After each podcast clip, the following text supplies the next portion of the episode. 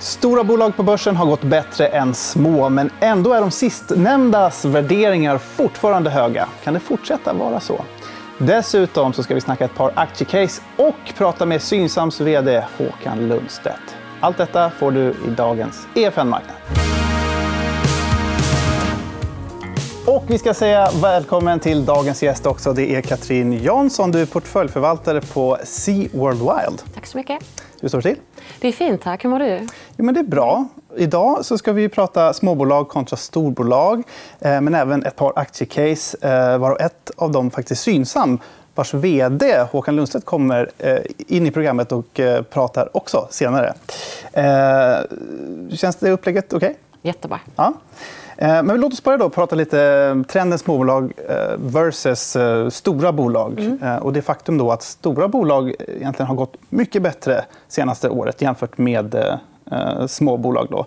Vi kan titta på en graf eh, över avkastningen för tre stycken index. Det är OMXS30, Stockholm All Share och Carnegie småbolag. Och här kan vi då tydligt se hur storbolagen på Stockholmsbörsen, alltså den lila linjen har avkastat mycket bättre än småbolagen. Eller hur? Mm. Och det var ju faktiskt en trend vi hade under 2022 eh, också. Så att nu har det ju absolut varit en förkärlek för bolag med starka balansräkningar, mm. likvida bolag, eh, bolag som inte har en direkt finansieringsbehov. Det är väl en reflektion av riskaptiten. Just det. Det är lägre risk i stora bolag. helt enkelt. Upplevd lägre risk. Och ja. det är klart att nu har vi mycket fokus på just starka balansräkningar, kvalitet och uthållig liksom, vinstnivå. Mm. Men om man tittar historiskt, då, är det under någon speciell del av konjunkturcykeln som stora bolag brukar gå bättre än små och vice versa? Jag tror väl just att det kan eh, symbolisera den här riskaptiten som, som vi har. Eh, och det är klart att de senaste 10-15 åren när vi har haft väldigt stark utveckling på småbolagen så har det också varit en lågräntemiljö. Mm.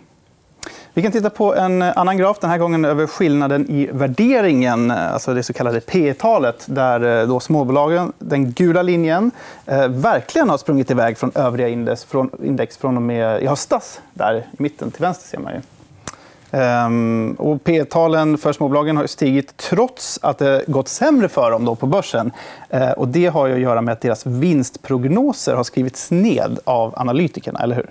Ja, man kan säga så här att eh, vinstestimaten för storbolagen har ju definitivt trendat starkare i år.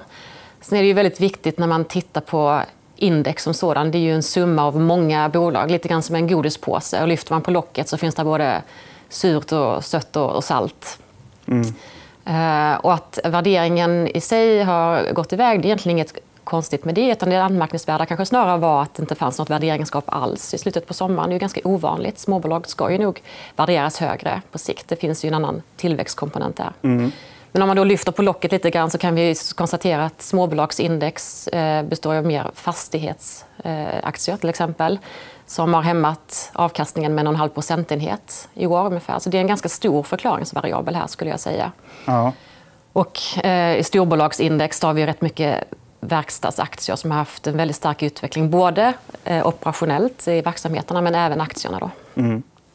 Men hur många av småbolagen kan verkligen motivera ett mycket högre P tal Jo, men där tror jag att det är viktigt att det blir lite för eh, lite smalt slutsats att bara titta på indexet. Att man måste nog lyfta på lådan och göra sin analys. Mm. Och det finns ju olika typer av bolag. Men högre tillväxt över tid i småbolag så ska absolut ha en värderingspremie. Och där den är nu så värderas småbolagsindex 15% högre än storbolag. Ungefär. Det i sig är inget anmärkningsvärt eh, okay. historiskt. utan Det ska nog vara högre.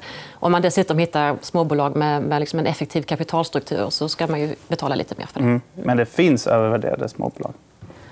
Det får framtiden utvisa. Liksom. Men jag tror också att vi nu går in i en eh, lite mer normaliserad inflationstakt om eh, centralbankerna så småningom kanske kommer ur den här räntehöjningscykeln då är det inte helt otänkbart att vi får se ett beteende att man allokerar mer pengar till lite mer tillväxt, lite mindre defensivt och tar lite högre risk igen. Mm. Eh, låt oss titta på ett av bolagen som du har i din fond. Eh, som är en så kallad all cap-fond inriktad på den svenska börsen. Ja. Och det handlar om teknikhandelskoncernen Adtech. Mm. Vad är det för bolag? Men Adtech är ett eh, förvärvsdrivet bolag som består av ungefär 140 eh, ganska självstående dotterbolag som har ganska högteknologiska lösningar till kunder inom eh, industri och infrastruktur. Mm. Så det har varit en väldigt förvärvsdriven eh, historik här. Och man låter dotterbolagen stå på ganska egna ben även efter förvärven. Och det har varit väldigt framgångsrikt historiskt. Ja, vi kan titta på en kursgraf för bolaget. Eh, det verkar ha gått väldigt bra på sistone. Mm. Det är till och med det bolaget på large cap-listan som har gått bäst av alla eh, hittills i år. Mm. Alltså man tittar på den här gruppen av bolag, de här liksom förvärvsdrivna, man tittar på AdTech, kanske Indutrade, Lagercrantz, har det gått väldigt bra för allihopa. De har alla levererat väldigt starka rapporter. Om vi tittar på AdTechs senaste kvartalsrapport mm. så är både organisk tillväxt och vinsten bra mycket bättre än vad analytikerna hade väntat sig. Alla fem affärsområden levererar starkt. Det är goda kassaflöden. Ledningen är rätt noga med att poängtera också att man inte ser någon avmattning i kundaktivitet utan efterfrågan fortsätter vara ganska god. Mm. Sen har det gått bra för dem ganska länge så man får vara medveten om att nu framåt andra halvåret så blir jämförelsetalen lite tuffare också. Ja, du funderar inte på att plocka hem lite av vinsten då, i det här läget? Eh, eller tror du på fortsatt uppgång? Man ska konstatera bara när man ser hur starkt aktien har gått att det har ju framför allt varit drivet av att de har levererat så pass bra. Så Prognoserna på vinsten är upp 10-15% bara sen senaste rapporten. Mm. Så att, eh, det är framförallt det som har drivit aktien snarare än att värderingen har blivit så mycket högre. Mm. Sen exakt hur vi väljer att allokera i fonderna det kan man med fördel följa i våra månadskommentarer som kommer löpande. Men allting beror ju på liksom vad man har för tidshorisont. Vi är ju så himla fundamentala och långsiktiga. Liksom. Och då ser vi att AdTech har ju en väldigt bra slutmarknad. Eh, man är ganska exponerad mot eh, energi, elektrifiering och där ser vi att den strukturella trenden är väldigt stark. Samtidigt som du har en låg kapitalbindning, positiva kassaflöden mm. och en ganska stark balansräkning nu också som gör att man fortsättningsvis kan göra värdeskapande förvärv också. Mm. Vi kan titta på en till graf för Adtech. Den här gången över totala kostnader kontra nettointäkter. Vad är det vi ser här? Mm, det här är då en lite längre historik över de senaste fem åren. Och jag tycker väl mest att den här symboliserar att Adtech och dotterbolagen driver affären på ett väldigt effektivt sätt. Mm. Bolaget har ju haft en bra tillväxt och då ökar ju förstås också kostnaderna, de blåa staplarna. Men det vi ser är att kostnaderna som andel av den totala försäljningen det, det är sjunkande. Och det är bra för liksom marginalprofilen. helt enkelt. Mm. Och här är ytterligare en graf som kvartalsvis visar nettointäkter och marginal på rullande 12 månader. Mm. Det här blir ju egentligen en, en direkt residual av den föregående bilden då, som visar att man, man växer inte bara sin topline utan man gör det effektivt och får en bra hävstång även på, på vinsten. Då. Mm. Mm. Eh, låt oss gå vidare till nästa bolag, nämligen optikerkedjan Synsam. Mm. Eh, vi börjar med att titta på en kursgraf för aktien det senaste året. De verkar ha haft det lite tuffare i alla fall jämfört med Adtech. Absolut. Eh, I alla fall har ju aktien haft en ganska lite tuffare resa då, det senaste året. Och det är väl drivet av att just sentimentet inom eh, konsument, där det finns en mycket oro. Inte minst även för den här abonnemangsmodellen, lite Netflix-temat och så vidare. Mm. Just det. Eh. det är Synsam Lifestyle heter mm. den, va?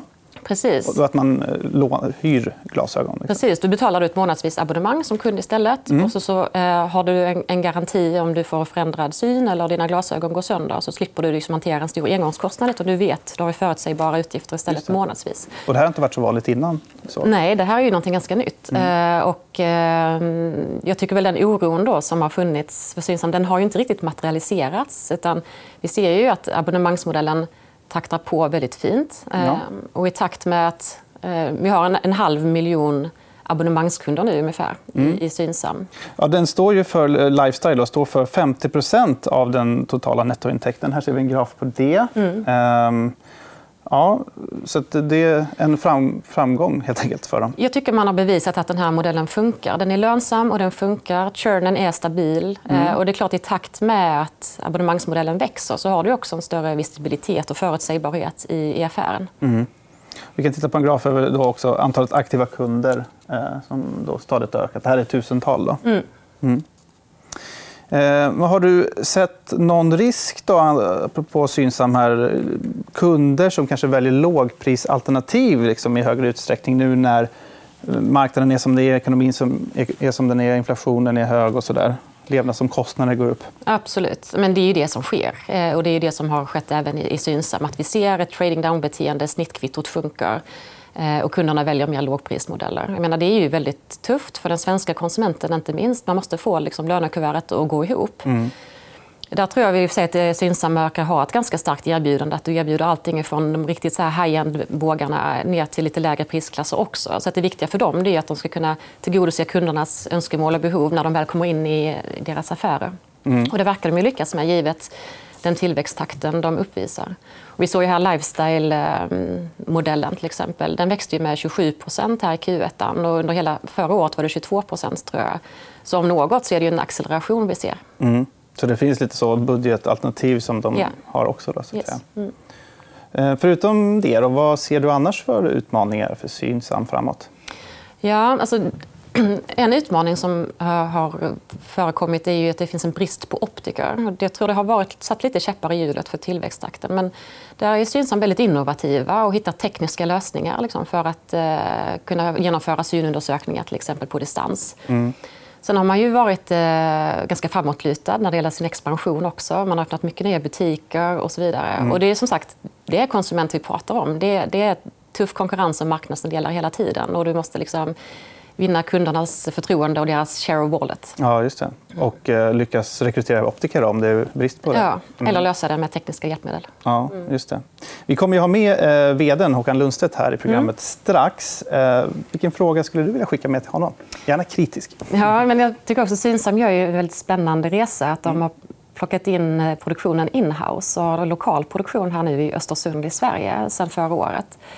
Det tycker jag är väldigt spännande på lite sikt. Och det är en viktig del i deras hållbarhetsresa också. Så det skulle jag gärna eh, höra när han pratar om lite grann. Mm. Och sen är det ju såklart intressant att se om vi fortsätter att se lite eh, lägre snittkvitton. Hur påverkar det lönsamheten i modellen? Mm. Om vi fortsätter att se det här liksom, momentumet som vi har haft i lifestyle och abonnentmodellen växer, hur påverkar det lönsamheten i modellen? Mm. Ja, vi får se vad han svarar helt enkelt. Mm. Eh, Katrin Jansson, portföljförvaltare på SeaWorld, eh, SeaWorld Wild. Ska jag säga. Stort tack för att du kom hit idag. Tack så mycket. Då säger vi välkommen till eh, Håkan Lundstedt, eh, vd på Synsam. Tackar. Eh, ja, du har ju suttit och lyssnat här på Katrin Jansson när de pratat om Synsam. Hur nöjda är ni över den här lifestyle-abonnentmodellen? Ja, alltså nöjda. Man ska ju aldrig vara nöjd om man säger så. Eh, men eh, modellen fungerar väldigt bra. Eh, och vi ser ju också att i tuffare tider så när konsumenterna inte vill lägga ut kontant så, så passar modellen extra bra. faktiskt. Mm. Så, att, så, vi har haft en fin utveckling mm. eh, under den här tiden. Och, eh, körnen håller sig fortfarande på en stabil och, och låg nivå. Mm. Och det här att de ekonomiska tiderna är lite tuffare och folk kanske i högre utsträckning kanske väljer lågprisalternativ eh, när de ska handla glasögon. Mm. Hur eh, hanterar ni det?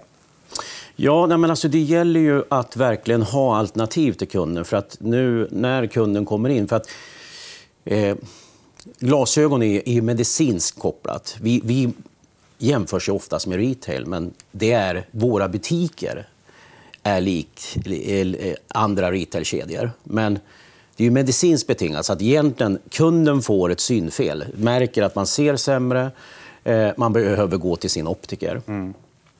Eh, och eh, eh, det som egentligen sker då är ju, där vi ser nu, det är att man väljer, hitta, försöker hitta billigare alternativ. Mm.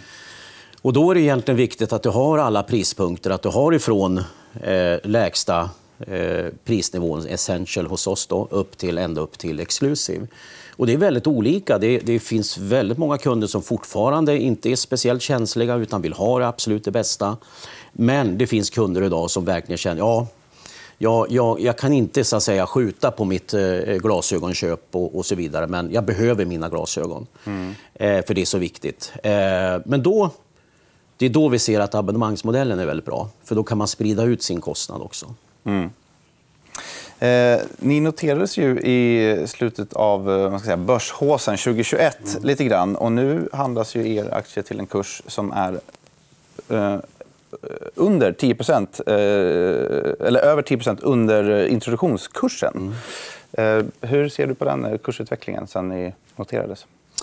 Ja, alltså vi vi fortsätter ju att utveckla bolaget och, och eh, se till att vi har ett bra kunderbjudande och, och att vi hela tiden skapar värde. Mm. Givetvis värde till, till våra aktieägare eh, över, över tid. här. Så att, eh, jag brukar säga det att det är väldigt viktigt att fortsätta med eh, med de initiativ vi har och vår strategi. Vi har en väldigt tydlig strategi och den är, den är också ganska enkel. Om man säger. Utan det är att vi, eh, om vi säger så här, tillgängligheten är viktig, därför, därför öppnar vi nya butiker. Eh, men vi öppnar nya butiker där vi många gånger inte finns. Många kanske känner igen oss om man är i Stockholmsområdet så kanske man tycker att ja, men Synsam har många butiker redan. Ja, vår plan framåt är inte att öppna eh, butiker i storstäder utan i orter där inte Synsam finns idag. Mm. Vi, har, vi, har, ett väldigt starkt varumärke, en varumärkeskännedom på över 98 procent. Mm. Men eh, det finns orter som exempelvis eh, Söderköping med flera som vi aldrig har funnits i tidigare. Men när vi öppnar butikerna där så är det väldigt välkommet av ja. Eh, Men mycket sker ju digitalt också. Folk är ute på nätet. Du ser ja. ingen risk att marknaden för glasögonbutiker kan bli mm. mättad? Nej, men, eh, idag är det väldigt viktigt att ha en bra omnilösning. För att mycket av köpresan börjar på nätet. Men i, inom glasögon så är det pass viktigt att eh, vi har väldigt avancerad utrustning idag. Eh, liksom själva undersökningen är... Vi har ju lättare eh, så att säga, synundersökningar på nätet. Men det kommer aldrig kunna ersätta de eh, så att säga, eh, bottenbildskameror som vi har idag som är väldigt, väldigt avancerade och, och, är väldigt, väldigt precisa. Så att vi har sett under många, många år att eh, online försäljningen just för glasögon, mm. den är rätt stabil. Den är väldigt låg. Mm. Eh, och eh, det du köper på online och så vidare idag, det kan vara linser och det kan vara liksom solglasögon. Men men själva den stora affären, mm. eh, glasögon, det vill du gärna köpa eh, så att säga, fysiskt på plats och så vidare. Och vi ser liksom i hela världen ingen trend till att det ökar, att du vill börja köpa glasögon på, på, på nätet. Men däremot så måste du ha en tillgänglighet. Så att, exempelvis och Synsam så kan du ju redan titta ut sortimentet på bågar och så vidare innan du kommer till själva, mm. eh, gör din, din så att säga, fysiska besök. Ja. Och ni har valt att expandera som du säger, ganska mycket, öppnat många nya butiker. Gjorde ni en liknande expansionsresa när du var vd för bilservicekedjan Mekonomen? Som du kan dra lärdomar av? Ja, men äh, I första så att säga, transformationsfasen inom Ekonomen runt 2010 11 2009, 10, 11 gjorde vi det. Och det var egentligen nya koncept även där att flytta fram närmare konsumenten. Men i det fallet så eh, integrerar vi mycket butik och verkstad med varandra för att skapa liksom ett helhet, en helhetslösning för, mm. för kunden. Mm. Eh, och det, var, det var väldigt framgångsrikt då. Så att, eh, absolut, vissa paralleller finns. Men optikbranschen är väldigt speciellt genom att det, det står mycket, mycket mer i det medicinska benet. Eh, och det, det är det jag tror när man tittar på Synsam så kan man kanske lite grann missuppfatta. Vi, vi tycker själv inte att vi är ett retailbolag. Och vi följer inte retail-trenderna.